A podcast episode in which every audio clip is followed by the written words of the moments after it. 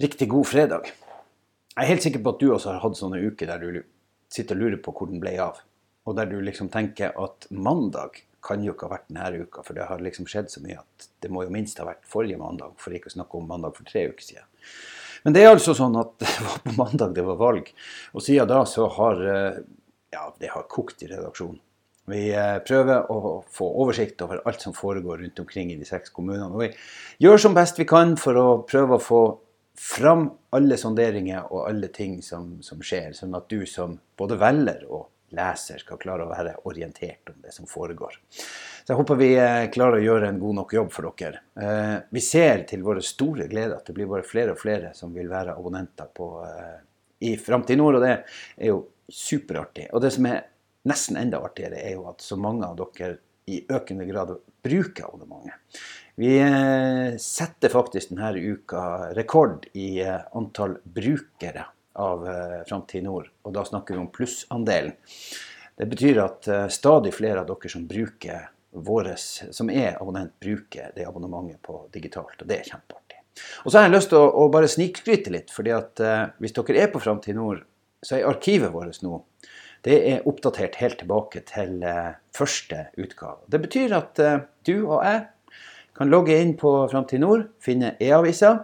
Vi skal ta denne her ordentlig en gang, men uh, gå inn på e-avisa, gå på arkiv, og så kan du begynne å søke på deg sjøl. Og så kanskje finner du en håndballkamp, korps, ja, bursdagshilsninger, kanskje til og med fødselsannonsen din er der. Her er det mye spennende å finne. Da kan man f.eks. søke på Dan Håvard Johnsen, så vil man finne alle artikler som Framtid Nord har hatt om Dan Håvard. Og det er jo selvfølgelig ikke så rent få. Han er jo i vinden om dagen.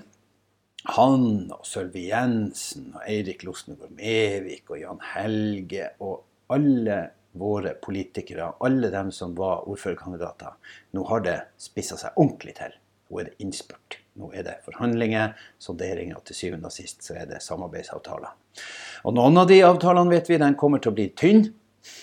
De kommer til å holde hardt. Noen kommer kanskje til å sprekke. Vi så det i Kvænangen etter forrige valg. Da holdt det fram til ja, første eller andre budsjettrunde. Det var vel gjerne andre budsjettrunde, og så sprakk samarbeidet. Og så ble det en, en vanskelig styringsposisjon for avtroppende ordfører. Men så spørs det. Kanskje kan det skje at man klarer å finne sammen i en annen koalisjon. Kanskje blir gamle kamphaner plutselig venner og vel forlikte og finner en felles plattform. For det som dere skal merke dere, det er at eh, selv om det av og til kanskje er vanskelig å, å se det, så har alle de her politikerne de har kun ett mål, og det er å gjøre kommunen sin bedre.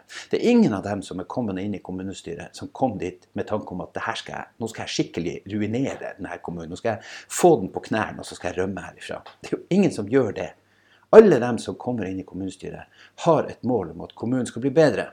Men så er det veien fram dit som man er uenig om. Jeg har sagt det før, noen vil ha idrettshallen her, og noen vil ha idrettshallen der, og noen vil heller ha noe annet, og noen vil heller ikke ha det. Sånn at Det er jo det det handler om. Men til syvende og sist så handler alt om hvordan man skal få best mulig tjenestetilbud til innbyggerne i den kommunen som de er satt til å styre.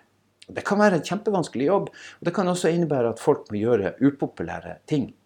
Men det må dere huske, at det gjør dem ikke av ondt hjerte eller fordi de tenker at nå skal vi liksom, nå skal vi ramme de her innbyggerne våre. Så nå skal vi virkelig loppe pengepungen deres. For det foregår jo ikke sånn. Man gjør det fordi man tenker at det er måten å løse det her på. Og Jeg ser altfor ofte på Facebook at man er veldig snar med å liksom si at ja, de her hodeløse politikerne, de, de bare tar, de tenker ikke på andre. Jeg tror at det er ganske ondt. Jeg mener det er ganske ondt å hevde noe sånt. For jeg mener av hele mitt hjerte at de politikerne, når de innfører avgifter, så gjør de det ut ifra en tanke om at det tror de er det beste. Så kan man være riv ravende uenig med dem, men ikke kall dem hodeløse. Ikke begynn med de her sjikaneringene. Og Vi går nå inn i en periode der det er en del nye kommunepolitikere som tar sete i kommunestyrene. Det ville være forferdelig hvis vi starter med å mer eller mindre jage dem ut med en gang. Nå skal vi gi de her folkevalgte en mulighet til å få lov å gjøre jobben sin, til å gjøre det som vi har valgt dem inn til å gjøre. Og vi vet sjøl at får du bare kjeft, hvis du bare får kjeft og tyn og blir kalt for en ja, unnskyld meg, en idiot og en fjomp og et tomt haug, så gjør det noe med selvtilliten din. Det gjør også noe med innsatsviljen. Det gjør noe med lysta til å holde på. Hvis du derimot får et klapp på skuldra og et eh, 'ja, jeg ser det, jeg er ikke enig med det, men det er flott at du står på', så er det med på å bygge. Og Jeg håper også at de gamle politikerne er flinke til å ta vare på de nye som kommer inn. Sånn at nye, unge politikere ikke utsettes for hersketeknikker og, og sånne ting som vi har hørt om fra politikken opp gjennom årene, der gamle uh, politikere dundrer til og liksom prøver å irettesette de her unge som kommer etter. Husk at du har vært ung en gang sjøl. Så jeg har lyst til å gratulere den aller første ordføreren som er klar, hun Olaug Bergseth. Jeg vil gratulere henne fordi hun er den aller første kvinnelige ordføreren i Nordreisa. Hun bryter en ja, Det er jo en tradisjon når man holder på i 122 år og har bare menn. Det er fantastisk flott at man nå har fått en kvinnelig ordfører i Nordreisa. Og jeg ønsker Olaug lykke til. Så vet både hun og jeg at uh, det kommer til å komme trefninger der uh, fram til nord. Kommer forhåpentlig til å røske opp i ting som, uh, som makta gjør. Det er jobben vår, men det er også Olaug fullstendig klar over. Så ønsker jeg også alle politikerne i Nord-Troms lykke til framover. Det er en ganske tøff jobb å få på plass de her avtalene. Det er nok helt sikkert mange som har lange dager. Husk at de her aller fleste av våre kommunepolitikere de går på jobb fra klokka er åtte om morgenen til fire. Kanskje går de i turnus, kanskje jobber de på natt. Og så, i tillegg, skal de sondere, planlegge, legge strategier, tenke på alle de tingene. Det er vanlige folk, det er naboene våre, som er valgt inn til å gjøre en jobb for oss. Jeg ønsker dem lykke til. Og så håper jeg at uh, denne helga kan brukes til å slappe av, til å ta det med ro, til å sitte inne.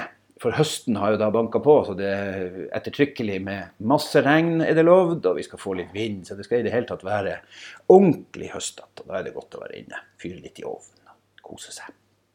Som sagt, ha ei riktig god helg til alle sammen. Og lykke til til alle de både gamle og nye folkevalgte som er der ute. Eh, Dette kommer til å gå kjempebra så lenge vi gir dem rom og muligheter og oppfører oss pent. Ikke glem, skal du ut i mørket så henger du en refleks enten i lomma eller på armen, eller aller helst ta på deg en refleksvest. Det er min bønn. Vi høres. God helg.